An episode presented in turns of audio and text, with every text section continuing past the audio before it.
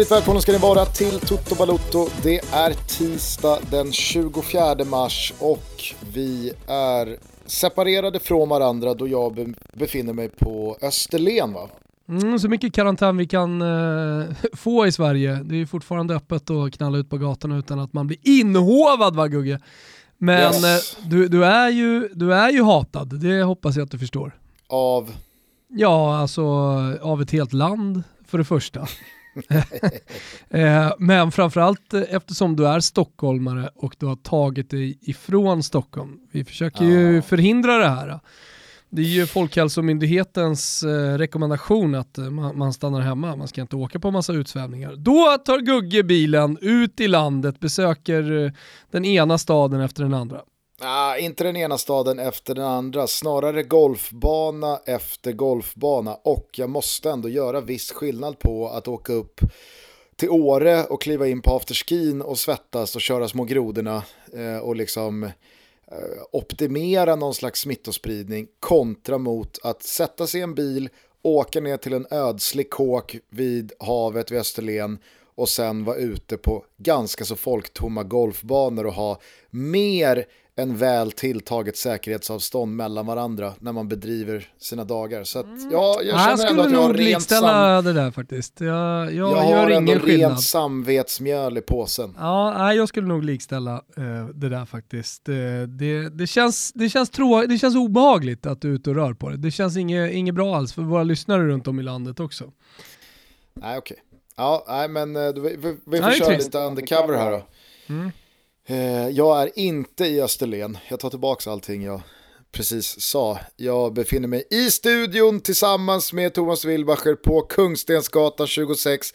Vi har inte lämnat sen sist ni hörde oss. Eh, däremot så vet jag att du har skrivit en text här sen sist vi hördes om hur fel allting blir när man eh, stänger ner även Eh, barnens möjligheter att röra på sig. Är det, är det, är det myror i brallan deluxe i, i tjejlaget nu eller? Nej, det ska vi inte säga Eller till. Är, det att du har sett på Stella och hennes kompisar att de, de, de tappar viktiga veckor i, i utvecklingen? Ja, det, det, är ju faktiskt exakt så. Jag har ju problem med en dålig träning. Då har jag svårt att sova på kvällen om jag känner att jag liksom inte riktigt har fått kontakt med tjejerna. Jag känner att eh, ja, men övningarna funkar inte. Det kan vara så att jag direkt är Eh, ursinnig och förbannad på tjejerna för att jag tycker att de har varit usla på träningen. Då får de ju höra det också. Men eh, i det här fallet så handlar det om en viktig del av utvecklingen, och slutfasen av försäsongen matcherna duggar tätare, kupperna börjar komma, allting börjar bli mer på riktigt. Vi har kämpat sedan i oktober Eh, med ett helt nytt gäng. Eh, ja, men jag, jag, jag tycker att jag har gjort ett bra jobb och så precis då när det ska liksom finliras, vi hade ett par, par matcher mot ett år äldre tjejer eh, helgen innan, tyckte det började se bra ut, hade identifierat vissa svagheter, jag hade fått dem att förstå vissa saker som jag vill i, vårt uppspels, i vår uppspelsfas eh, och sen så, då, så, så stängs det ner. Men eh, nu är det ju så faktiskt att Folkhälsomyndigheten vill att vi ska idrotta med våra barn fortfarande så att det rullar på eh, och i helgen har vi matcher igen så att eh, det, det, det, känns bra. Däremot så skrev jag ju den här texten lite som en uppmaning liksom att fan ut och rör på er så länge det är möjlighet, så länge, så länge vi ges möjlighet att faktiskt göra det innan vi kommer i en slags karantän. Eh, ja, men det, det, är det lite dubbla givare, det, det, är lite dubbla givare alltså? Ja, men... Folkhälsomyndigheten säger att det är bara ut och köra, ni behöver inte ställa in några matcher och träningar, men klubbarna gör det ändå. Ja, vissa gör det, vissa gör det inte. Men just nu är det i alla fall öppet och de uppmanar att man ska spela fotboll. Så jag tror att de flesta är ute och lirar och sen så har man... Men, men det är väl lite som hela det här landet just nu. Vi hamnar ju där ofta i Sverige. Vi vet varken ut eller in. Vi gör något så här halvundantag. Jag såg att nu gick man ut och, jag vet inte om man ens för, förbjöd, men man tyckte inte att man skulle stå i barer. Och jag tror att det är en konsekvens av afterski eh, döden, eh, eller vad det nu kallas. Många smittas på afterski i, i Åre. Eh, ja. och, och, då vill man då att det inte ska vara barhäng så att det ska vara sittande bord. Det är också en sån här riktig halvmesyr. Däremot så har jag inga problem med det, så länge vi håller öppet så mycket som möjligt så är jag nöjd så länge, så länge den här smitt, smittspridningen hålls nere, vilket den verkar göra också. Du, eh, om, om du ska agera någon slags eh, corona-expert här, pandemiguru och eh. Statsepidemiolog. Är, nu har vi alltså Johan Giesecke, vi har eh, Anders Tegnell och Thomas Wilbacher. Ja. Kan du kort förklara för mig och eh, många andra lyssnare tror jag som är lite osäkra på vad det egentligen innebär konkret när allsvenska klubbar nu alltså permitterar sina anställda, inklusive spelare. Jag har sett att Elfsborg och AIK har gjort det och nu hakade Häcken på. Vad, ja, men, vad innebär det? Ja, rent konkret så innebär det ju att deras löner betalas av staten eh, istället för klubbarna. Det är väl det mest konkreta man kan säga och det är där kritiken ligger också. Att det, mm, det kanske inte, pe, pe, pengarna kanske inte ska gå till eh, eh, fotbollsspelare utan till andra delar i samhället. Tror jag i alla fall, det ja, är så jag förstått det. Det kom ju som ett brev på posten den här liksom Ja, men ibland så kan man ju se ett händelseförlopp framför sig. Jag var ju väldigt tidig på att säga att nu är det bara en tidsfråga innan klubbarna kommer vända sig väldigt, väldigt liksom tydligt gentemot sina supportrar. Och utåt sett kanske liksom så här, öppna era hjärtan, nu, nu visar vi att vi gör det här tillsammans. Men jag tror att det i grund och botten finns också ganska mycket cyniskt, alltså till, tillgodoräknande av klubbarna att så här, ja men supporterna kommer ställa upp, vi kan, vi kan nog fan i mig räkna med x antal hundratusen kronor eller miljoner eller vilken nivå man än är på. Och när det väl har skett några dagar, då vet man att nu kommer någon snart höja rösten och säga, men hallå, varför ska supporterna bara ge och ge och ge ut ur ganska grunda fickor och man kanske vrider och vänder på varenda krona och skickar in hundralappar man egentligen inte har när spelarna sitter på 100-150, vissa säkert 200 000 i månaden. Varför, varför ställer inte de upp och går ner i lön och så vidare? Och nu var det ju Patrik Ekwall som tog den facklan, eller jag vet inte om du såg någon slå det slaget före Ekwall. Nej, men han var nog först på bollen för det hade, i alla fall från mediahåll, det hade ju pratats rätt mycket om det på sociala medier och supportrar hade diskuterat det såklart. Ja, Eh, nej men och sen då, då så, någon dag senare, eh, väldigt väntat då, så blev Elfsborg sen ganska direkt eh, AIK strax efter det då att nej men nu visar verkligen AIK-spelarna eller Elfsborg-spelarna sitt rätta ja, vi är solidariska i det här allesammans så vi permitterar våra spelare och alla går ner i lön. Men är det då alltså så att äh, det enda som händer är att staten går in och, och degar det här eller? Ja, men spelarna går ner i lön också. Jag tror de går ner med 10% i lön. Eh, om jag har förstått det hela rätt. Det här är ganska färskt när vi, när vi spelar in eh, podden. Eh, men det är nog ingen, jag är nog inte långt ifrån sanningen när jag säger det. Men det är ju sådär, fotbollsklubbar har ju utnyttjat system tidigare också. Jag vet att mm. i Spanien så hade man ju en artistskatt för att få in då exceptionell kompetens till exempel inom olika områden. Det skulle ju till exempel kunna vara inom sjukvården, att man då kan eller forskning, att man kan locka till sig eh, eh otroligt bra kompetens eh, för att eh, ligga i framkant. Eh, det här var ju fotboll, fotbollsklubbarna i Spanien inte sena eh, på att utnyttja, eh, utan kunde då eh, utnyttja den här artistskatten och ge, ge spelare betydligt högre löner i och med att de hade så lite skatt. Eh, och i det här fallet skulle vi säga att det är no, no, någonting liknande. Här ser man en möjlighet att eh, faktiskt spara in en jävla massa pengar utan att börja riva kontrakt och så här. Men det ska också sägas att det är jävligt tufft i klubbarna. Och en sak är ju spelarna, men sen har du ju också konsulter som är inne, du kanske har scouter, du har eh, forskare som jobbar med ungdomssektionen för att utveckla den. Eh, och de konsulterna ryker ju oftast först, för det är enkla kontrakt att driva. Sen så har du ju hela verksamheten, eh, hela kansliet, så att säga det gamla kansliet. Numera så är det väl eh, på många håll eh, kontor, eh, där, där, där folk får gå ifrån. men i första hand då kan, kan, kanske man kan räddas av den här permitteringen, men jag menar tjänar 25 000 och vänder eh, på varje krona men du älskar ditt arbete för att du är passionerad supporter kanske i grunden men arbetar för din klubb och du drivs av det, då, då kanske den 10% är, är, är tuff. Eh, eh, eller, eller vad nu, hur mycket pengar det nu handlar om. För en spelare så, ja. så är det nog inte, inte, inte så farligt.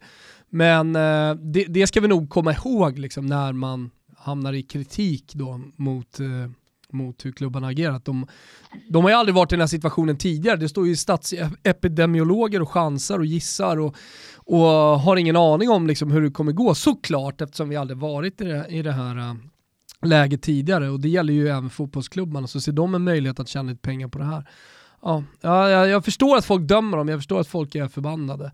Men, eh, men å andra sidan så, fan, så som jag är lite cynisk och pragmatisk så you can't blame them. För är det här en möjlighet, då, då är det en möjlighet liksom. Samtidigt ska du inte underskatta kanslisterna. Det är nog fan eh, de, de, de sista som ryker alltså. Det är ruskiga Och det, MVP. det är de sista alltså. som de gnäller som jobbar... också. Ja, ja, jag menar bara att de som gnuggar kansli i mindre klubbar, alltså nu, nu, nu är det ju någonting annat att jobba på kansliet för en division 2-klubb, division 3-klubb. Är, du inne, en, är du inne och touchar på Leifbys kanslis, kanslirunk här nu? Nej, jag är inte inne och touchar på kanslirunket. Jag menar bara att det är nog skillnad på hur otrolig jävla spindel i nätet du är om du jobbar som kanslist i en sån klubb kontra allsvenska klubbar. Där är det ju så många roller att det, är liksom inte, det finns inte en stöttepelare, det finns inte en hörnsten. Men rycker du undan kanslisten, ta Spånga IS som exempel. Ta, ta bort, eh, såg, du, såg du Prison Break? Nej, alltså det var en jävligt bra plott verkar det som när trailern kom. Det kan ja. ha varit 15 år sedan eller någonting, att eh, ja, men det var någon som hade tatuerat in en karta på hela fängelset va? på ryggen. Exakt. Det kändes ju jävligt Exakt. häftigt, men sen så blev det väl typ 100 säsonger och man tröttnade väl. Det blev lite som Lost sådär. Vad fan är ja, vi någonstans exakt. här? Man tappar bort sig själva de gick ju i den klassiska fällan att de inte riktigt visste när det var läge att sluta utan det, det, det lades väl upp ett för bra bud på bordet för en säsong till att man körde, liksom, man körde på lite för länge. Det, det, det följer lite på sin egen orimlighet att det skulle hålla lika bra klass eh, säsong Men alltså spoiler alert, jag vill när... inte se serien Gusten, kan du inte bara berätta, flydde han från fängelset? Jo, jag, jag, jag, skulle bara, jag ska bara säga det att ganska mycket dör ju när säsong tre tror jag avslutas med att alla åker in igen. Och så börjar de bara om. Var det en ny karta på magen då? det var så här, jaha, okej, okay, nu sitter alla inlåsta igen. Nu kör vi en ny säsong. Hur som helst, i första säsongen då så finns det, då bygger Michael Schofield något, eh, eh något litet så här miniatyrbyggverk av Taj Mahal tror jag till fängelsechefen. Som är någon slags bröllopsgåva till hans fruga och det, det får han han får liksom lite, lite fördelar från fängelsechefen eftersom han hjälper till honom för att han är utbildad arkitekt eller ja, no, någon slags jävla eh, civilingenjör. Eh, och då så finns det en liten, liten bit som måste sitta på plats för att annars rasar hela bygget. Det är liksom det är eh, den lilla, lilla klossen balanserar upp allt tryck så att allting funkar. Och den lilla, lilla klossen är ju kanslisterna i division 2 division 3-klubbarna. Ryck bort en sån, då står du där med 700 ungdomar vars föräldrar gnäller på träningstider och det blir strul med kupper och det är en fotbollsskola som går åt helvete och det är liksom material som eh, är alldeles för gammalt eller det är material som omfördelas och det är medlemsavgifter som, eh, ja du vet, Fy fan, det är sådana jävla key players, kanslistan alltså. Du, bara ha det sagt. Du, jag såg förresten att, eh, på tal om prison break, eh, då eh, går ju tankarna osökt till Ronaldinho. Mm. Och han är ju född 80 vet du. Ja. Vet du vilket datum han är född? Fan, någonting säger mig att det är oktober. Nej, det är det Nej. inte. Uh, han uh, sitter ju som... Är det idag? Nej, det var den fjärde mars som eh, Ronaldinho reste med sin brorsa Roberto de Assis Moreira till Paraguay för att delta i ett välgörenhetsevent. Även hans agent, när det begav sig. Eh, verkligen. Han var ju tidig, Ronaldinho, med att ha brorsan som agent. Det var lite nytt. Ja, nej men eh, eh, han kan ju bli kvar i häktet har jag läst mig till nu i upp till sex månader. Så kommer ju säkert inte bli. Va? Men han är ju garanterat då kvar, eh, eh vad fan, 21 mars? Ja, måste, han fyllde i år här för några dagar sedan bara. Hur som helst, då sitter han i fängelse nu. Han fyllde år 21 mars så han firar då sin 40-årsdag. Jag tänker att det är stort i Brasilien att fylla 40, att man firar stort och eh, jävligt, eh, om man är Ronaldinho inte minst då, minst då, som är känd som en festprisse, eh, firar helt hårt. Flera dagar, till och med flera veckor. Men nu är han alltså i fängelset och, och firar. Eh, och I och med att han är i Paraguay så får ju det mina tankar, jag vet inte om det är samma med dig, till vem då? Jo, Emanuel Adebayor Gusten. Har du följt hans bravader på slutet? Ja, eller det dök ju upp en eh, rejäl eh, sula i ansiktet från Adebayor i den paraguanska ligan här på Twitter som blev viralt. Mm, det var ju i matchen mot Defensa, den tolfte match. Hans blott andra fight eh, för klubben. Eh, det, jag vet inte om det var med meningen, men eh, som du säger, foten är uppe i huvudet och han får rött kort. Eh, lite trist start. Annars eh, kan vi gå tillbaka till januari när det ryktades om att han var på väg till Premier League. Det var Aston Villa, Brighton, Newcastle, flera klubbar som var ute efter Adebayor. Eh, men det blev inte så, utan han eh, gick då till det paraguayanska laget Olympia. Jag vet inte om det är Ronaldinhos favoritklubb i Paraguay eller inte, men de befann sig i alla fall i samma land. Där han bland annat har Antolin Alcaraz, kommer du ihåg honom? Mittback. Har du någonting på honom eller du vill säga? Nej, jag tänkte bara att det är synd här nu när vi är inne i fängelsetutto att han inte hette Alcatraz. Mm, nej, jag vet. Jag tänkte den också.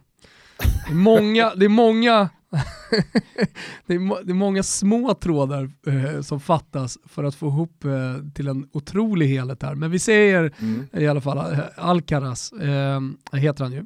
Eh, Roque Santa Cruz, han tänker jag, han spelar också i samma lag.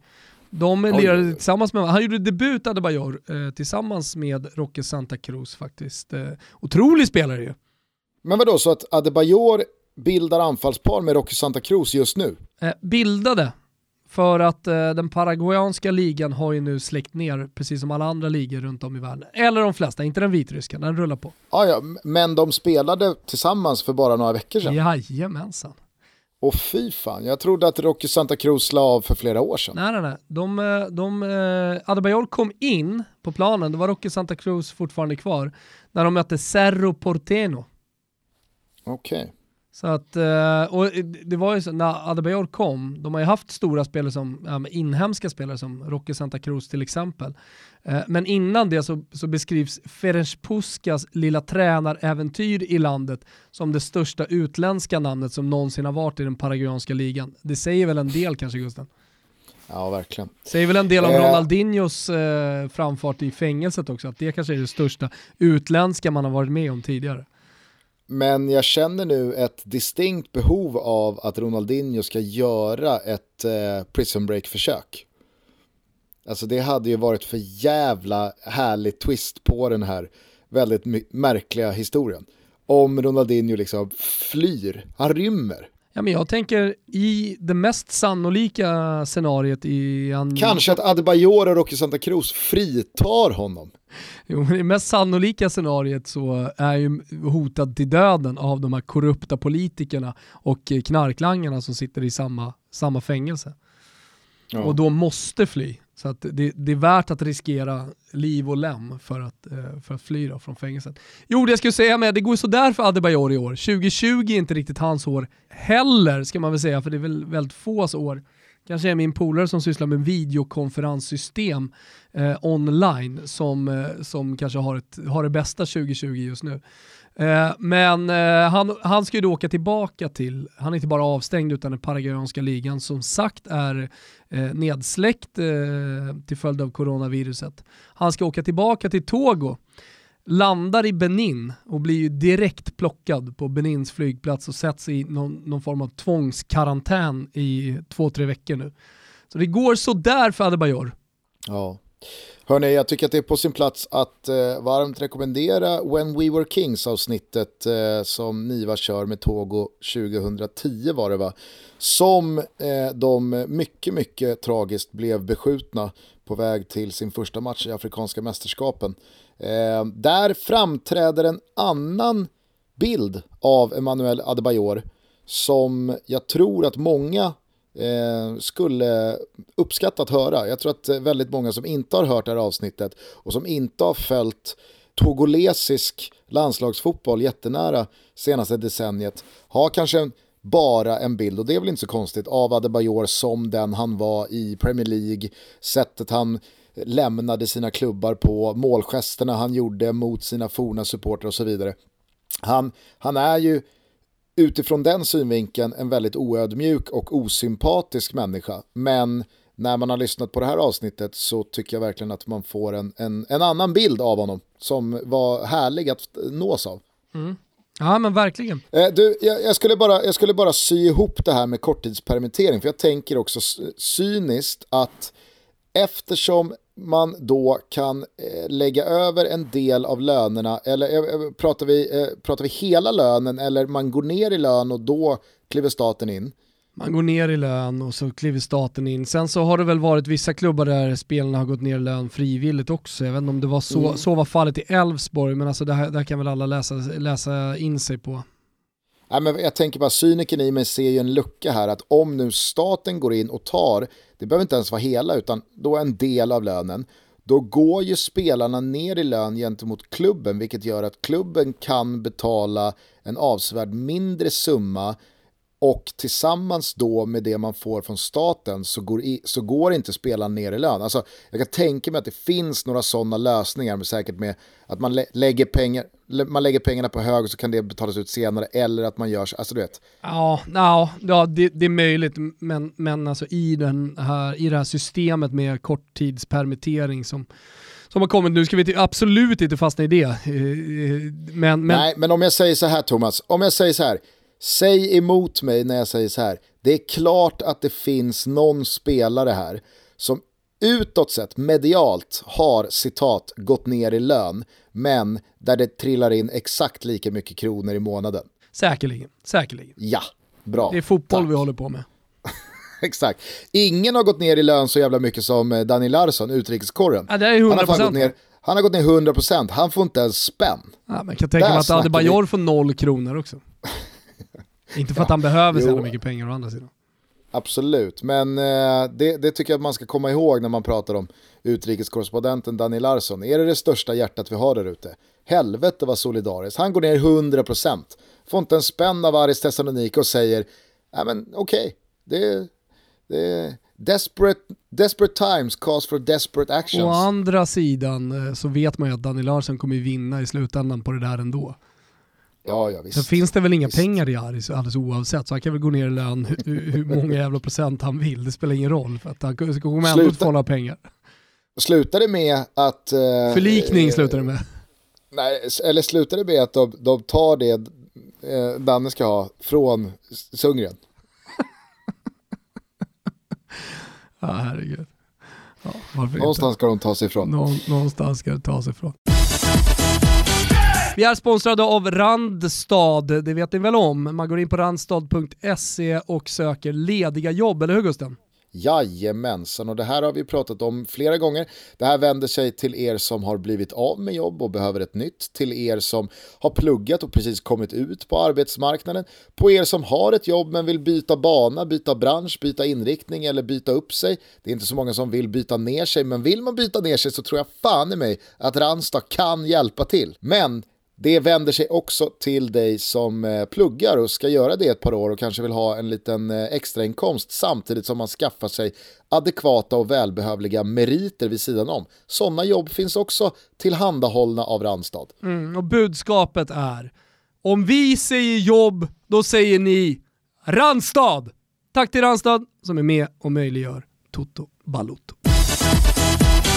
Hörni, det är jättemånga som eh, har sett eh, premiären eller piloten av Quisaleta, Dobbs, produktionsbolaget Dobbs du ska hit, nya alltså. programformat. Ja, men jag tänker ändå att det, det är väl värt att ta upp. Eh, det var ett eh, premiäravsnitt där du och jag med höga tuppkammar och eh, precis lika höga svansföringar tog oss an Jesper Hoffman och eh, David Fjell ja. i detta frågesportsprogram som var eh, fotbollskunskap vitt och brett. Man hade liksom ingen aning om vart man skulle. Eh, det var väldigt många roliga olika typer av eh, delmoment. Bland annat då typ truppen där vi liksom utan förvarning bara kastades in i en trupp på givet årtal från ett givet mästerskap. Och så skulle man då eh, vartannat namn eh, skicka ut ett namn som var med i den här truppen och laget som eh, hade fel först förlorade. Det var även tre namn från en given startelva, typ Ajax i Champions League-finalen 95 eh, eller eh, Sveriges startelva mot Argentina i VM 2002 så saknades det tre namn och så skulle man fylla i dem. Eh, men du snodde showen, som det så fint brukar heta, stal showen. jag vet inte om jag gjorde det. Eh. I avsnittets sista moment som kallades för gegenpress, de som har sett alla mot alla, det är som under pressure. De, de, de visar bilder på mer eller mindre kända fotbollsspelare, eh, aktiva som inaktiva, och eh, så ska du bara skjuta ur dig vem det är och så får ja, du poäng ja, för, för Jag, jag måste säga så här att utan att spoila någonting, folk får gå in och kolla. Det är bara att gå in på Dobb eh, och, och så ska ni såklart kolla på det här. Eh, men jag måste säga det att det, det var ju ett ögonblick, eh, i det här fallet var det ju sekunder, men det var, det var ögonblick i plural eh, som jag aldrig har varit med om tidigare i mitt liv. Alltså det, det hade kun, kunnat komma upp vilken bild som helst på vem som helst. Jag såg inga, jag såg inga ansiktsdrag, jag såg ingenting. Det var, liksom, det var ansikten som var tomma. Det var otroligt ja. märkligt, det var som att jag hade, det var som att jag fått, blivit kapad av en poltergeist på något jävla konstigt sätt. Alltså det, det, det gick inte. Eh, det, det, var otroligt smärtsamt och när jag satte mig i bilen efter, då, är, då har jag en så konstig känsla i kroppen. Eh, så jag började fundera på om jag är på väg att få en stroke. Så jag sitter liksom och hyperventilerar och dricker Pepsi och bara, vad är det som händer här? Liksom, det är som en panikångest. Jag har inte haft det tidigare, men det kändes som att det var liksom en panikångest på väg. Svårt att andas och absolut inte covid-19, utan det, det, det kom verkligen starkt till mig. Så det var under några sekunder där jag trodde att jag var på väg att få en stroke alltså. Det var otroligt ja. sjukt alltså. Otroligt. Ja, det, det, det, var, det var verkligen en När Toldo kommer av... upp, nu spoilar när Toldo kommer upp, eh, vi, vi kan väl lyssna på hur det lät. Eh, eh, Peruzzi. Ja men sluta! Sorry. Eh, pass. Ja, ja, men ni hör, det, det, det, det är så mycket min gubbe det kan bli, Toldo. Det, det är på alla sätt liksom, eh, jag. Eh, men eh, ja, det, det, det, det var smärtsamt. Det var inte det enda som var smärtsamt. Det var ju väldigt mycket under den här timmen, ska jag säga, som, som var, som var konstigt. Allt från ja. eh, sten, sax, påse till när jag ska fistbumpa dig och det har kommit ut massa, massa klipp på det här.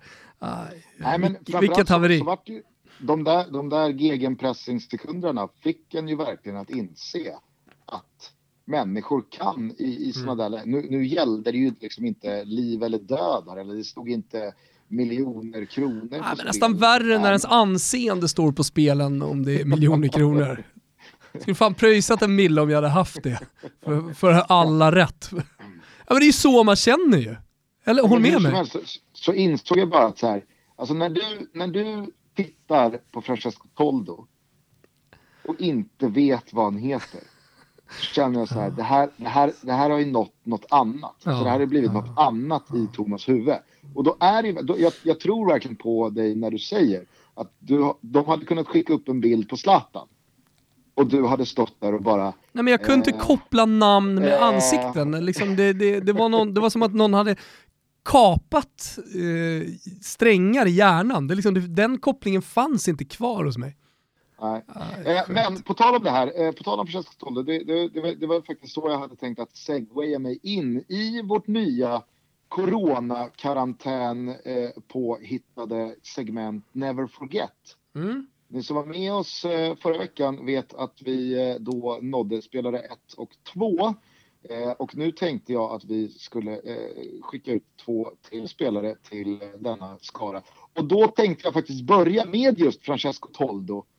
En jävla stor målvakt men som har glömts bort lite, tycker jag, i den moderna fotbollshistorien. Mm. Håller du med mig när jag säger så? Ja, jo, det gör jag. Alltså, nu är jag så nära Francesco Toldo, säger han som inte kunde sätta ansiktet. Eh, men jag, jag är ju så... Faktiskt, det blir faktiskt lite löjligt. Ja, jag, jo, det blir det ju. Men, men jag är så nära han, eh, i och med att jag följer italienska medier, läser eh, nostalgi, Eh, han är mitt Fiorentina verkligen, så att det är ofta han intervjuas. Uh, så att, så här, jag kommer ofta i kontakt med Francesco Toldo, så är det ju. Uh. Eh, så, svårt för mig att säga att han är bortglömd, men är det så att han är bortglömd i Sverige och du säger det, ja men då är det så. Ja. ja men så skulle jag verkligen vilja säga, för att är det någonting som Buffon har uträttat, alltså mm. när det kommer till legacy, så är det ju att han har verkligen raderat ut i princip alla andra italienska målvakter för en hel generation. Mm. Förstår du vad jag menar? Ja, verkligen. Så? Alltså, han har ju stått i det genomgående bästa klubblaget de senaste 20 åren. Mm. Alltså visst, jag har all respekt för Inter och Milan tidigt 2000-tal och så vidare. Men ser man till hela 00-talet, hela 10-talet så har ju Buffon liksom stått i det laget som har lyft flest ligatitlar, som har eh, varit i Champions League-finaler både då och nu. Eh, och så parallellt med det här så har han varit ohotad etta i det italienska landslaget sedan VM 2002. Mm. Då blir det ju väldigt mycket så att han är målvakten som når den absolut bredaste massan, som når svenskarna som inte sitter och följer Serie A vecka ut och vecka in. Mm. Och när det blir över så många år, ja men då, då, då är det så här, det är inte konstigt att man inte har koll på så jävla många andra italienska målvakter då, utan då, det, det, har man ju då bara om man sitter och följer Serie A. Liksom. Ja men det var ju en ruskig snurra där, jag vet inte om du har koll på den Gusten, när Toldo skulle lämna Fiorentina i och med att man hade finansiella problem. Ja men tror du att jag ska dit mm. vad det lider eller tror du inte att jag ska dit? Ja men det är mycket möjligt att du ska det. Det, jag skulle, det jag skulle i alla fall då knyta ihop det här liksom Buffons legacy och eh, vad det har gjort med andra italienska målvakter. Eh, det var att Francesco Toldo är ju faktiskt den målvakt som stod för ett italienskt landslag i ett mästerskap senast som inte var Gigi Buffon. Mm. Eh, och då ska vi komma ihåg att eh, det gjorde han ju med den äran. Italien gick ju till final och var bara några sekunder ifrån att eh, Anders Frisk skulle blåsa i sin pipa och vinna den där bucklan. Men sen så kvitterade Frankrike på tilläggstid och sen så gjorde Trezeguet 2-1 golden goal. Och då var det ju faktiskt Toldo som stod för en helt mirakulös eh, turnering och inte mm. minst semifinal när han nyper fem av sex straffar, eller klarar fem av sex straffar från Holland. Han flaxade in lite på ett bananskal, var ju tvåa och trea bakom Paljuka och Peruzzi var mm. där. Men det var Peruzzi var där? Fram till 2000 och sen så hade Buffon, alltså det var lite, han var inte riktigt redo för Eh, första it italienska catenaccion levde vi ju under eh, tidigt 2000-tal, slutet på 90-talet. Och eh, jag menar det, det, är en taktik som man pratar om när man pratar om catenaccio, men om man tänker sig att det var en catenaccio-era eh, och det mm. ingick en massa andra saker där, eh, så var det ju att eh, liksom ung spelare, framförallt då kanske målvakt och, och nior skulle jag vilja säga, stora starka anfallare, tog det tid liksom innan, innan du fick ditt eh, liksom stora erkännande. Du fick jobba dig eh, in i landslag och, i, i klubbarna. Nej, men så att eh, det, det, blev, eh, det blev EM 2000 för Toldo som etta och där skulle jag ändå vilja påstå att denna då 29-åriga målvakt hade sin största stund i karriären. Då mm. pikade han. Mm. Ja, jag håller med.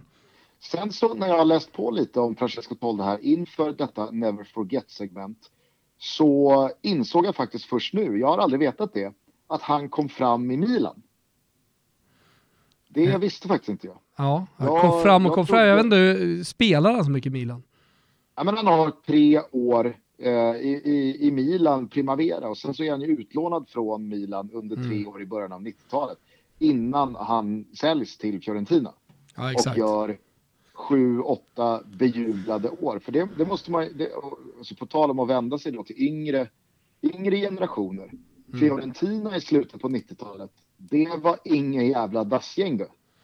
Nej, det var det sannerligen inte. Alltså det, det, ett av de absolut största lagen som eh, man kommer ihåg i Fiorentinas historia. Det var ju slutet på 90-talet. När, när, och då är ju faktiskt Toldo en av de spelarna som man nämner först. Om man skulle köra då någon slags truppgrej som vi gjorde i Quisaleta, då, då kanske du nämner Battistuta, du nämner eh, Rui Costa eh, och så vidare. Men, men Toldo, han kommer där alltså, som trea, fyra, femma mm. säkerligen. Och spelade ju då alltså en nyckelroll i då Fiorentinas etablering i toppen av Serie A. Man vann Coppa Italia, man vann Supercupen, man spelade Champions League, man gick långt i Uefa-cupen, cupvinnarcupen.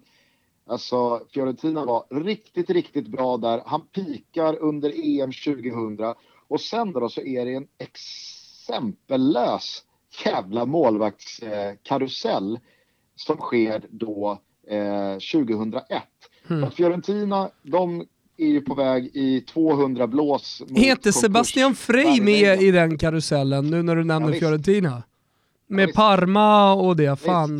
Det, det, här är, det här är en historia sett på Sky. De gjorde fan ja. 30 minuters dokumentär om den här målvaktssnurran. Men det var ett tag sedan jag såg den så här är det då, Fiorentina är på väg i 200 blås. Vet du vem man nämnde? Förlåt Gustav, vet du vem man nämnde?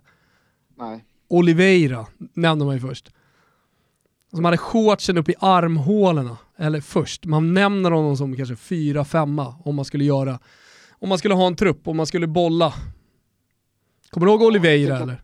Ja absolut, men ja. jag tänker också att eh, Delivio kommer först. Eller inte först, men han kommer tidigt. Ja fast Delivio, han... Eh han var Juventus Enrico precis de där åren. Tänker jag. Enrico Chiesa Jo men det är samtidigt så här, då, då, måste du, då, då måste du ha koll på åren, de som var med under erorna, alltså eran, eh, under längre tid. Så, så, liksom med, med Delivio börjar fundera på när gick han från Juventus till Fiorentina egentligen?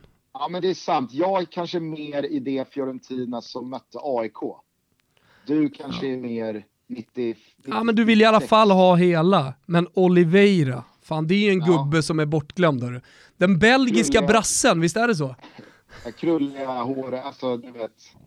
Jo men han hade så, löpsteget, han hade så höga knän. Det, var, det såg ut som att han sprang med höga knän och shortsen då väldigt högt uppdragna. Ja, det hade i och för sig Delivi också.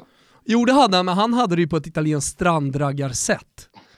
Så här, uppdragen alltså, som man ser pungen. Liksom. Delivio, han har aldrig haft badshorts. Han har levt alltså, ett liv i Speedos.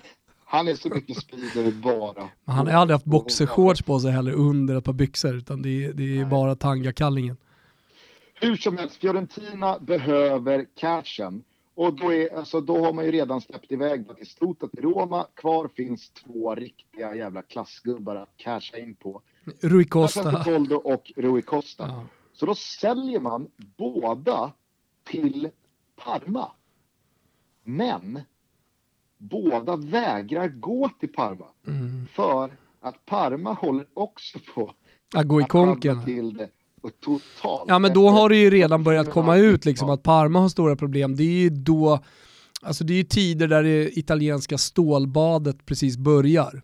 Men i fallet Toldo så handlar det inte bara om att vänta här nu, nu, nu, nu känns det som att man hamnar att man hamnar rejält snett på grund av att klubben är skakig ekonomiskt. Utan det här är ju också då som en rak ersättare till Gigi Buffon som i samma veva ska till Juventus. Då vill inte Toldo gå till Parma för att han vill inte hamna i en klubb där han förväntas ersätta den största italienska målvaktstalang som någonsin kommit fram. Ja, exakt. Han tackade nej till Parma, går istället till Inter som då sitter på Sebastian Frey. Mm. Så att Frey verkar inte ha något problem med att åka till Parma och fylla skorna efter Buffon. Frey var ju kaxig på den här tiden. Helvete vad bra han tyckte om sig själv.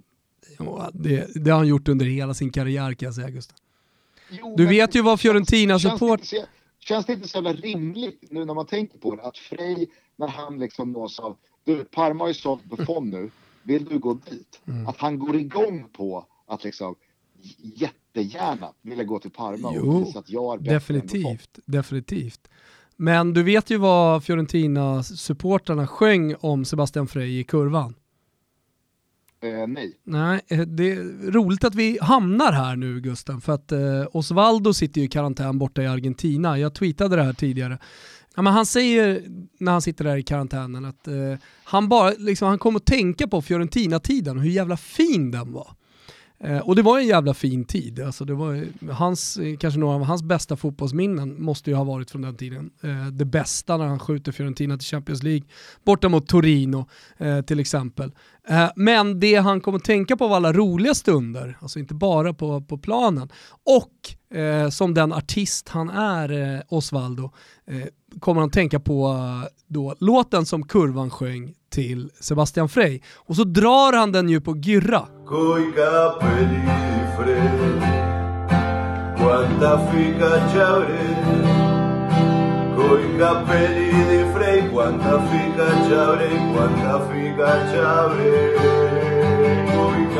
Eh, och jag vet inte hur mycket italienska du förstod av låten. Det han sjunger är Quanta figa navrei coi capelli di Frey Quanta figa navrei coi capelli di Frey och så vidare. Det är alltså så mycket fitta jag skulle få om jag hade Freys hår.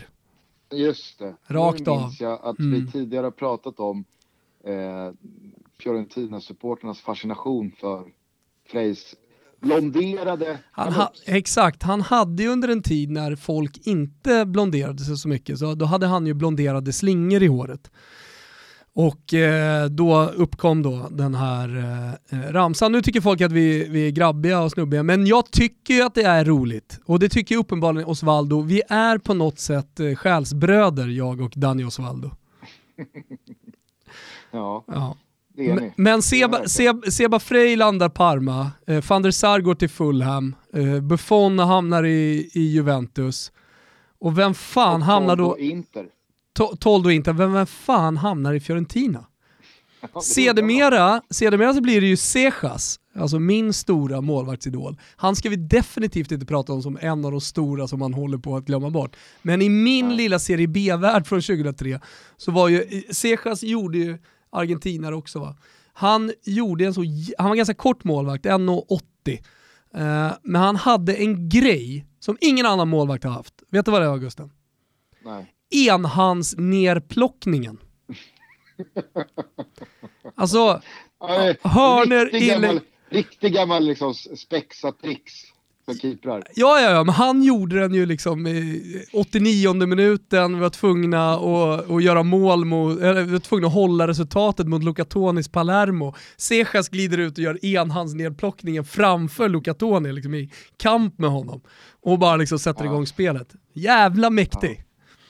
Nej men Sejas är ju såklart bortglömd och så ska han förbli. ja, definitivt. Dras upp i något slags jävla never forget eh, segment här Nej. i Sveriges största fotbollspodd. Hur som helst, det var eh, målvaktssnurran som Toldo var inblandad i som jag tycker var kul och värd att nämna. Ja. Sen går ju då Toldo till Hector Coopers eh, Inter och eh, har, eh, så här, det är alltid svårt med Inter, för vilket Inter ska man jämföra med? Ska man mm. jämföra med det Inter som radade upp ligatitlar ett knappt eh, decennium senare och går och vinner trippen med Mourinho eller ska man jämföra med, med liksom, Pazza Inter som var en förlorarklubb? Alltså, det var någon cuptitel här och man var med och högg på eh, Champions League-finaler där. Alltså man, jag minns ju Champions League-semin mot Milan som man förlorar på eh, bortamål.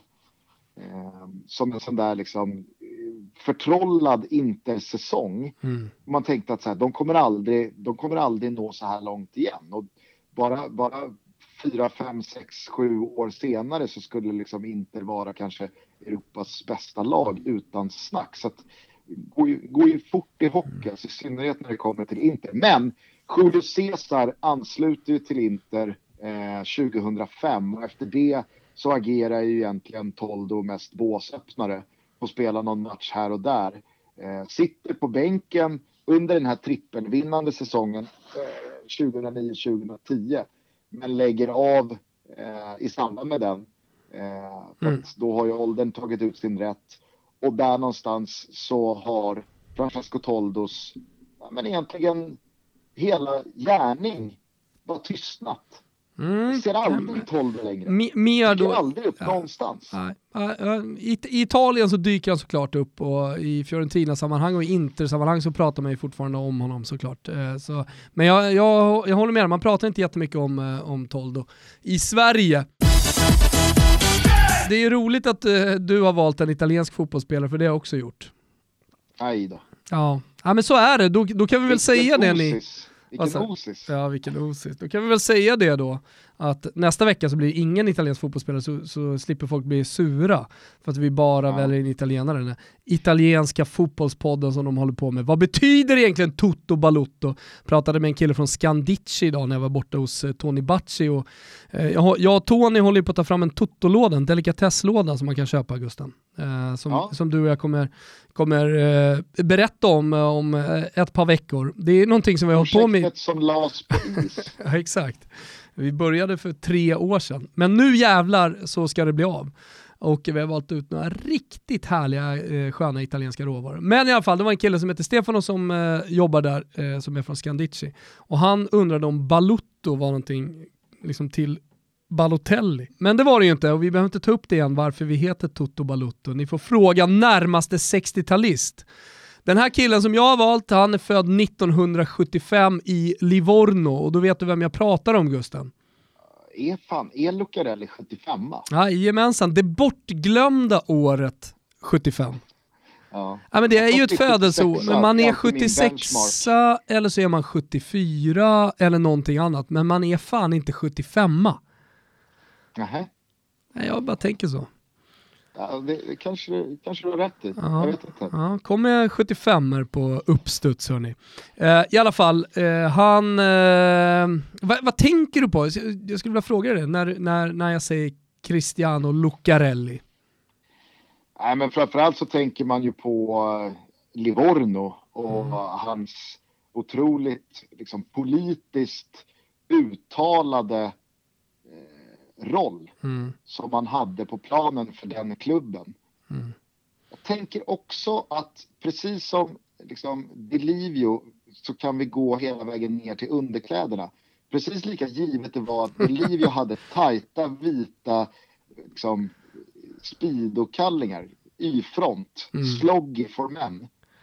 Precis lika givet var det att Lucarelli alltid hade, inte ett linne, utan en t-shirt med avklippta ärmar under matchtröjan. Det har du rätt i. Det har du fan rätt i. Inte helt sällan med budskap. Nej, exakt. Men det var viktigt att det inte var ett linne eller en bra sittande t-shirt. Mm. Utan Lucarelli hade alltid det här vida hålet vid armarna för att han hade klippt av ja, ärmarna. Liksom. Verkligen. Uh, nej men, uh, det, det, stämmer, han, uh, han föddes och blev uh, stor Livorno-supporter, älskade fotboll, spelade aldrig i klubben Livorno som ungdomsspelare utan det fanns en annan akademi som var mer framgångsrik och där man fick en bättre fotbollsutbildning. så det var där han höll till. Kom ju aldrig till Livorno heller sen i och med att Livorno höll till i de lägre serierna och han hade större ambitioner med sin fotboll. det, det som dock hände var ju att han aldrig släppte sitt eh, supporterskap till Livorno. Så när han kom fram och fick sitt stora Serie B genombrott. Det är ofta så med stora spelare i Italien. Och, man, och in, tränare också ska sägas. Alltså att man, man, man har gått eh, den långa marschen till framgång. Det är sällan man slår igenom i Serie A med dunder och brak ta Allegri, Max Allegri, en modern tränare som fortfarande är aktiv. Ja, han tog ju Sassuolo hela vägen till exempel. Eh, mm. det, det, finns ju många, många exempel på spelare såklart eh, som, eh, ja men Tonali nu, ja men han fick sitt stora genombrott i Brescia i Serie B och nu tar han det i Serie A. Han fick det i Cosenza. Mm. Får jag bara fråga, får jag bara fråga eh, angående Lucarelli här och Livorno?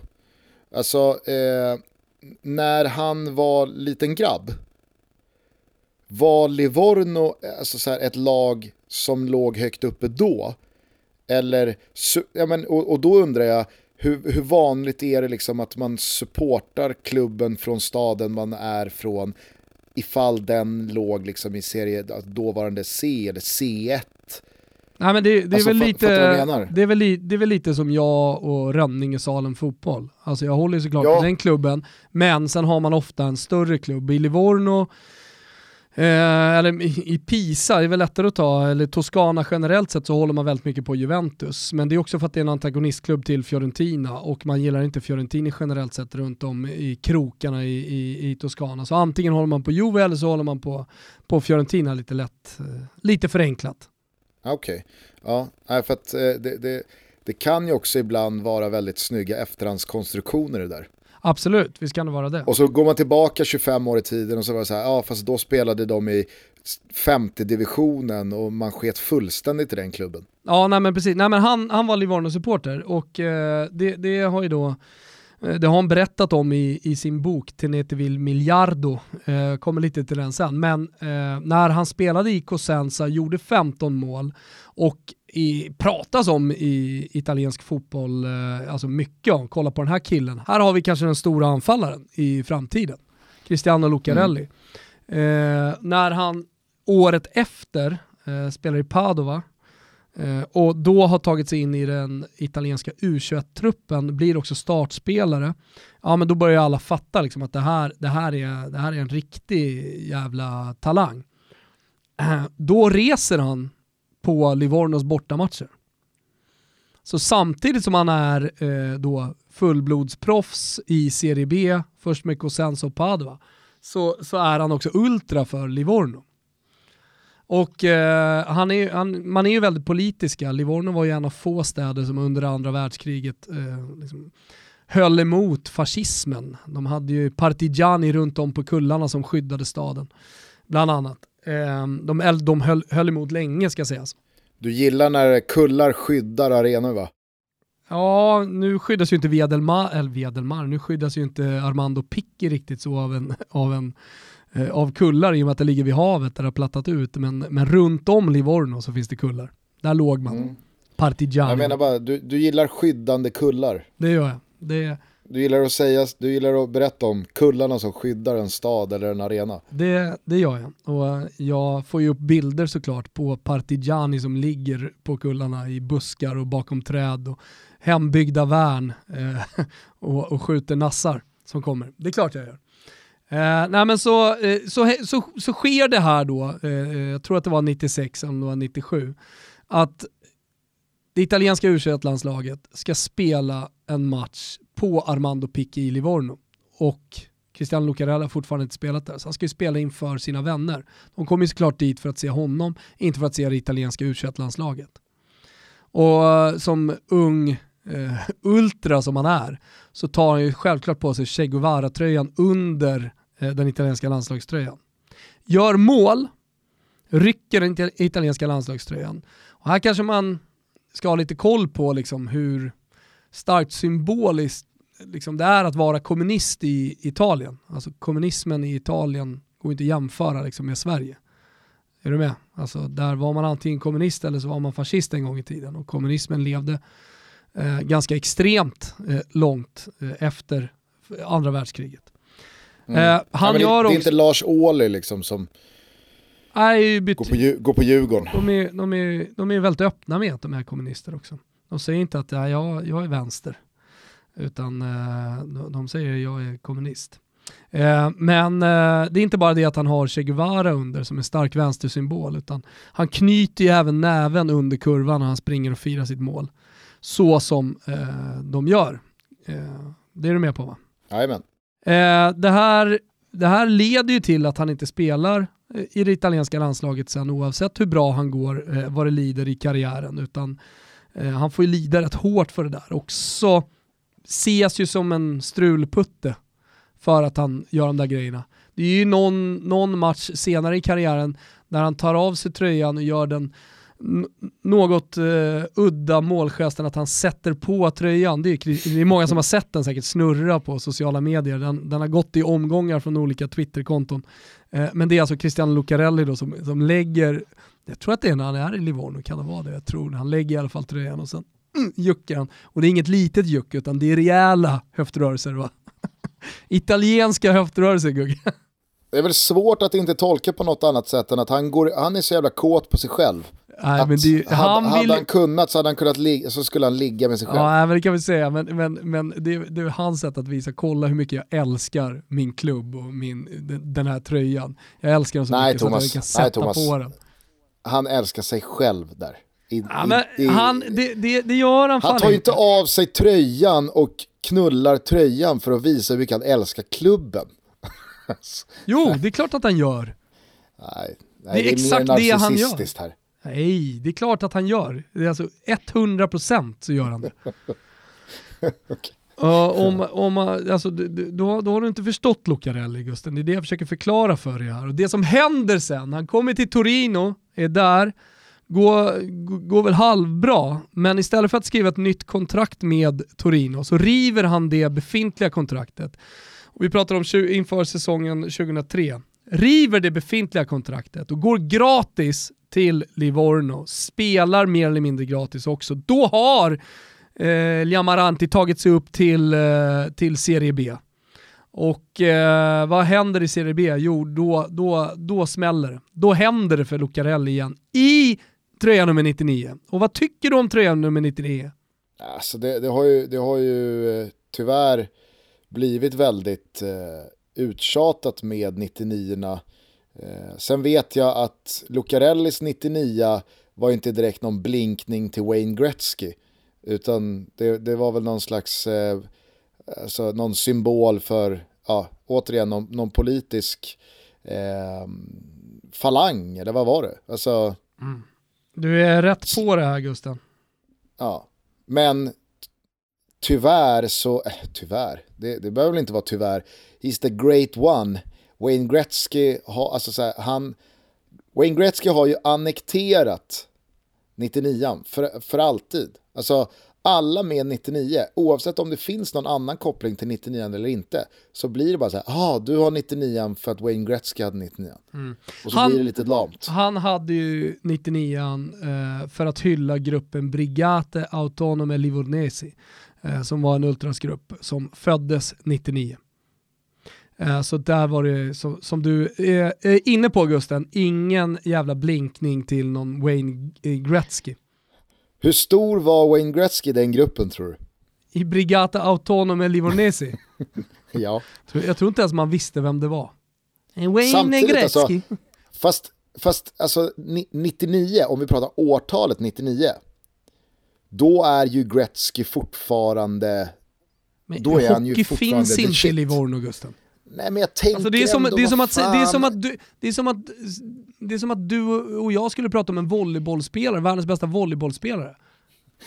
Nah, jo det är, är jo, en, Gustav, fast, nej fast, inget nej. Alltså hockey jo. finns inte. Nej, jag förstår alltså, det. Du kan, du kan ta Steve Eiserman, tycker, eh, Wayne Gretzky, vem Steve, som helst i Rom. Steve Fråga så vet nio av tio. Galna Steve Eiserman. Galna Steve Eiserman. snart, snart så har du väl träffat Keith Kachaks barnbarn igen. Äh, men galna Steve Eisenman. Det finns ju för fan ingen hockeyspelare som man gillar mer än, alltså det namnet, Steve Eisenman. absolut, det är ett wow. fem plus namn. Men Sätt, du kan ju sättet in... han spelar på, som han såg ut, allt. Steve Eisenman. Alltså. Sättet han spelar på. Oh, herregud. Du kan riv, inte... Rivig kanadensare. Ett, du kan inte likställa liksom, så här, Steve Eisenman med Wayne Gretzky när det kommer till Nej, eh, känna men jag ville bara faktorer. säga, jag ville bara säga... Du kan Jaromir Jagr, du, du, kan ta vem du vill, Peter Forsberg, eh, ja, Wayne Gretzky, ta vem du vill Gusten. Det finns inte en jävel i hela jävla Italien som vet vilka de här gubbarna är. Det är, alltså hockeytoto i all ära och vi, vi, vi gillar hockeytoto, men hockey är en liten pissport. Den är asstor i de länderna den finns, men i de länderna den inte finns så är hockey ingenting. Men, men, men, men nådde inte Wayne Gretzky ändå utanför Han nådde hockey? inte till Brigate Autonome Livonese. det, kan ha, det, det ska du ha jävligt klart för dig Gustav. Fan.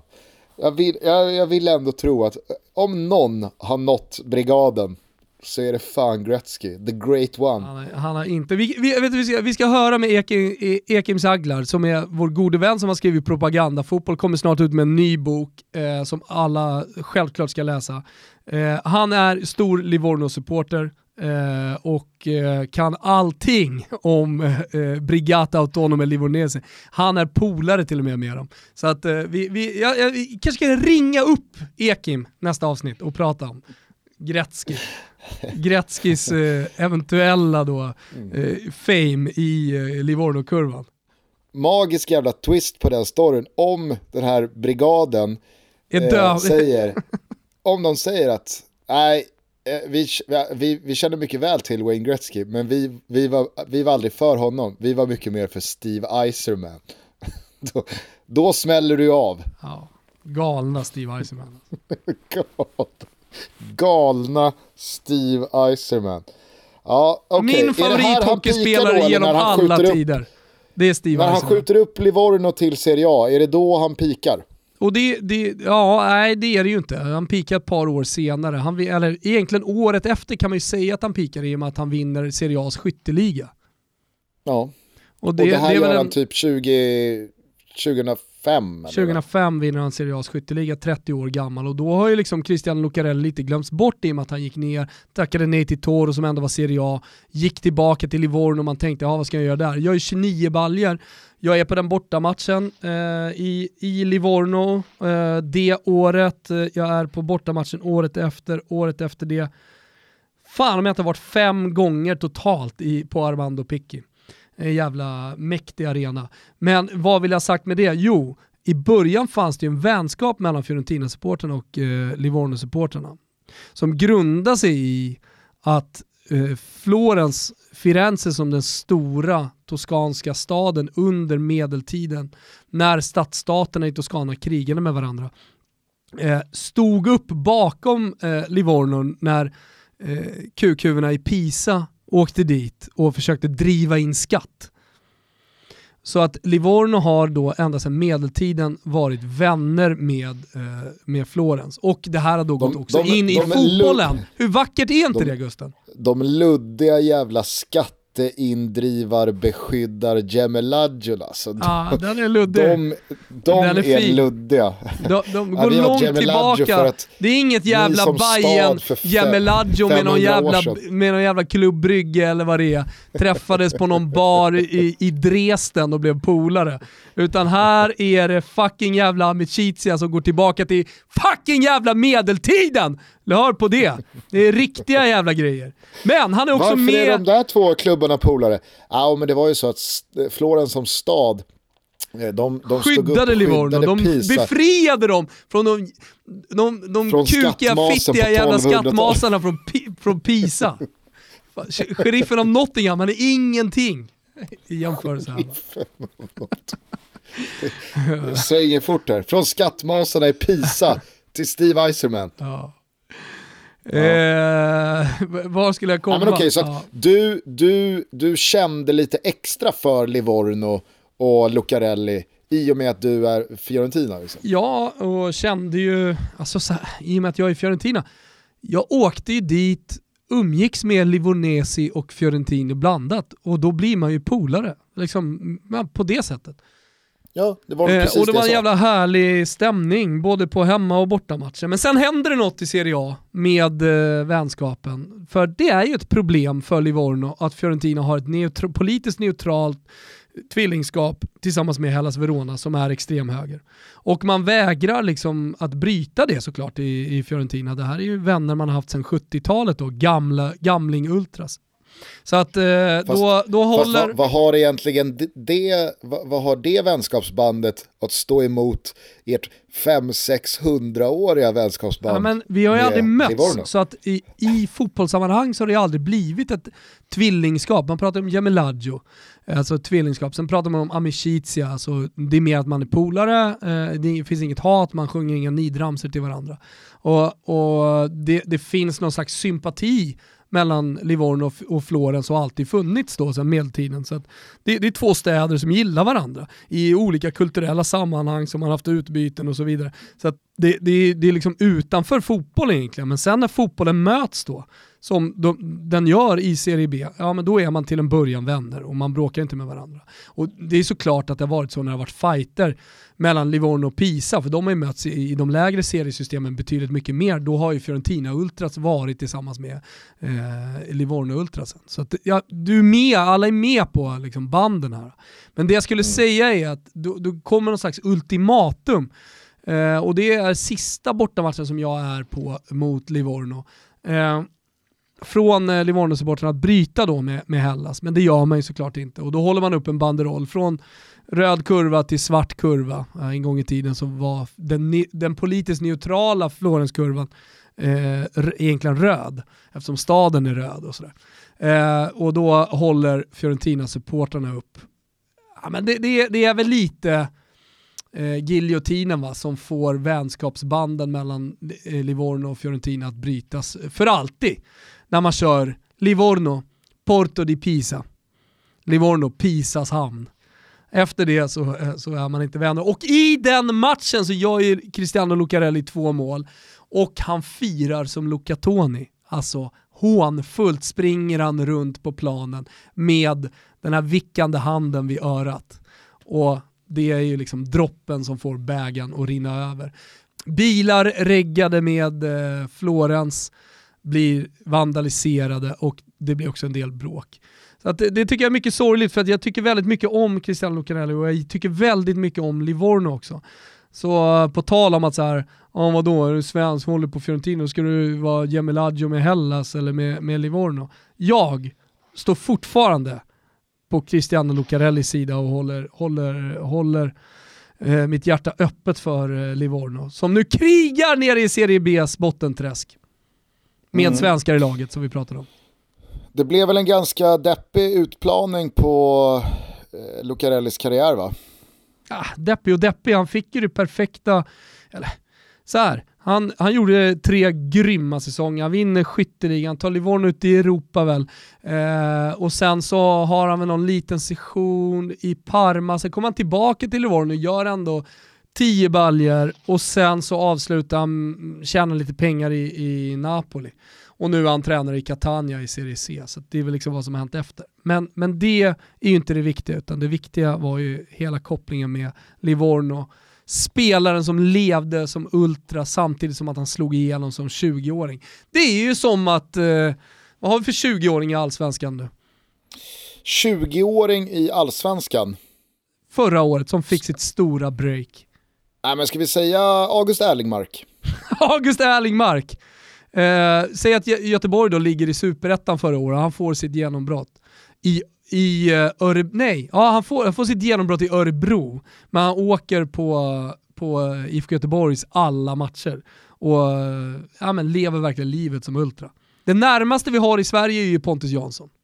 Så är det väl. Men för att göra, en, som hans bok heter, Tenete vill miljard och behåll miljonerna, eh, boken som Lucarelli skrev. För att göra det så måste han ju tacka nej nu i sommar när Premier League-miljonerna kommer när Tottenham vill köpa Ponne, då säger han nej, flyttar hem till Malmö, spelar för 70 lax i månaden. Då är Ponne vår Lucarelli. Nej, vet, vet du vad det är? Han, han säger nej tack till Tottenham-miljonerna, flyttar hem och blir permitterad av Malmö.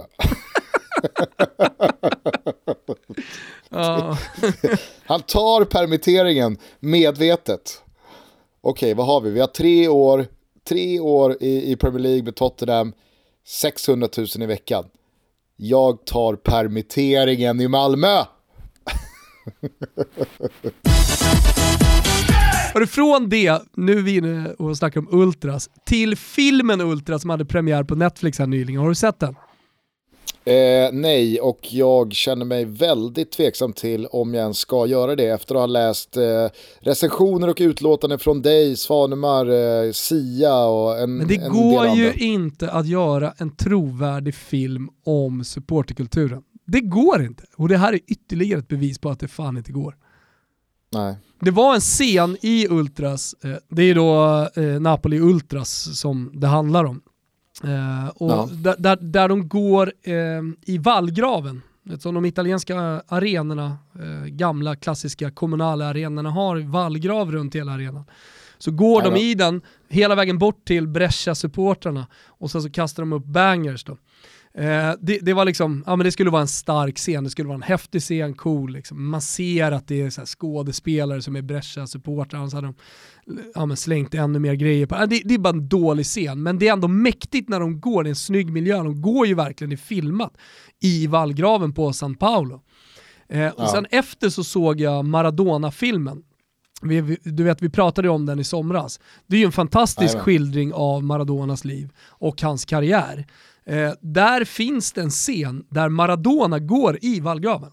Eh, så jag har sett den där vallgraven två gånger, det är så jävla mäktigt att de knallar i den och sen så liksom är supporterna ovanför. Även i det här fallet, men då, där i Maradonas fall, det är ju dokumentärt, så det är ju äkta. Det blir så jävla mm. kontrast när jag ser då Ultras dagen innan och när det är skådespelare som står uppe på läktaren och skådespelare som går där i och när Maradona knallar igenom. Och det är fullständigt kaos på läktarna, du vet det kastas eh, trosor tänkte jag säga, men det är väl speedo-kalsonger som kastas ner på, på Maradona, fan vet jag.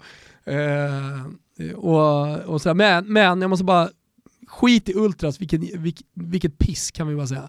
Men Maradona, vilken film. Ja. Ingen behöver således eh, kika in på Netflix för att eh, kolla på Ultras. Kika därför in på Simor och kolla på Take the Ball, Pass the Ball en lång och matig dokumentärfilm med över 8,2 i betyg på IMDB om det bästa laget som någonsin spelat fotboll. I alla fall är det premissen. Pep Guardiolas Barcelona runt 2010. Jag har pratat om den här dokumentärfilmen ett par gånger. Har du sett den nu Thomas, som du skulle göra? Nej, jag såg Ultras och Maradona istället. Sen sitter jag och läser Fragile med Marco van Basten som har landat. Så jag, jag har faktiskt inte hunnit se den än. Utan vi, vi får ta upp den eh, om någon vecka igen. Okej, okay. men till alla er som inte kan bärga er, gå in på Simor, skaffa ett abonnemang där. Det finns hur många härliga sportdokumentärer som helst.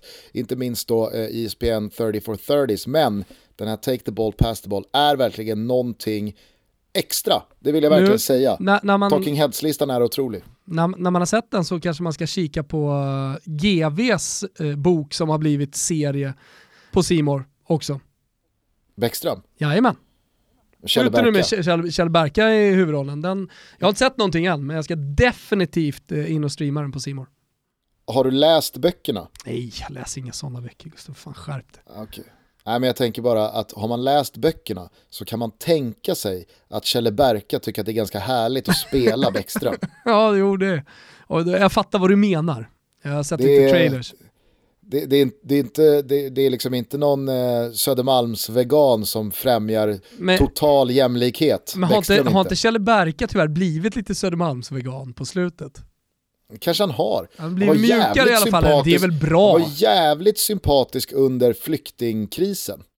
Han åkte ju på lite så här rasistgrejer, du vet när han satt med fan hette han, eh, skvallerjournalisten med asiatiskt ursprung? Ja, det där gamla klassiska Ja, när han sitter med i Aschbergs studio. Ja. ja. men då, blir han ju, då, då får han ju en stämpel på sig som rasistisk.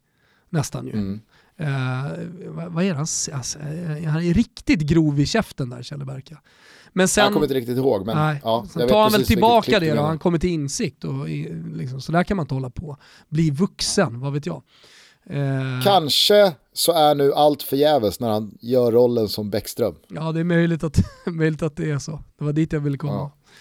Ah, ja, den ligger också på Simor precis som GVs Blattarna som byggde Sverige. Mm. En dokumentärserie i tre delar om arbetsinvandringen som ligger bakom, ta med fan hela det här landet. Så är det. Mycket, mycket bra. Eh, hörni, det spelas också, eh, tror det eller ej, fotboll i Sverige dessa dagar. Det är ju en rad träningsmatcher för alla lag som håller igång i väntan på seriestarter när det nu blir. Och det här har ju givetvis inte Betsson missat att oddsätta. Jag rekommenderar alla som vill ha lite spänning och få någon slags känsla av att det är som det var förr. Att gå in på Betsson så finns träningsmatcher där med en rad svenska lag ja, inblandade. Ja men verkligen och, och jag menar så det, det, finns ju massa information att eh, tillskansa sig och göra sina analyser inför de här matcherna så att eh, tycker jag definitivt att man ska göra. Sen kan jag också säga jag att jag hade ett möte... Jag har en på Colberg inför ikväll. Härligt. Mm kan vara någon rekommendation. Nej, men annars hade jag ett litet möte med Betsson. Det kommer lite roliga kampanjer här framöver. Vi håller på att fila på, på, på lite grejer, så, så uh, håll ögon och öron öppna dels i podden och på sociala medier. Oss hör ni igen på fredag. Jag åker hem från Österlen under torsdagen, så att på fredag så hörs vi igen. Förhoppningsvis med en gäst Kanske inte, och då kanske det blir några nya spelare till Never Forget. Den som lever får se, ta hand om er där ute, tvätta händerna, skydda riskgrupperna och så tror vi på att det finns en ljus morgondag någon gång efter natten. Det gör vi sannoliken. Ciao tutti. Ciao tutti. If you having girl problems, I feel bad for you, son. I got 99 problems, but a bitch ain't one. I got the rap patrol on the cat patrol. Foes that want to make sure my casket's closed. Rap critics to save money, cash holes. I'm from the hood, stupid. What type of facts are those? If you grew up with holes in your zap toes, you celebrate the minute you was having dope. I'm like, fuck critics, you can kiss my whole asshole. If you don't like my lyrics, you can press fast forward. Got beef with radio if I don't play they show. They don't play my hits. Well, I don't give a shit. So, Rap Max try and use my black ass so advertisers could give them more cash for ads. Fuckers, I don't know what you take me as or understand the intelligence that Jay Z has. I'm from rags, the richest niggas, I ain't dumb. I got 99 problems, but a bitch ain't one. Hit me. 99 problems, but a bitch ain't one. If you having girl problems, I feel bad for you, son. I got 99 problems, but a bitch ain't one. Hit me. Yeah, it's 94, and my trunk is raw. In my rear view mirror is the motherfucking law. Got two choices, y'all. Pull over the car or bounce on the devil, put the pedal to the floor. And I ain't trying to see no highway chase with Jake. Plus, I got a few dollars, I can fight the case. So I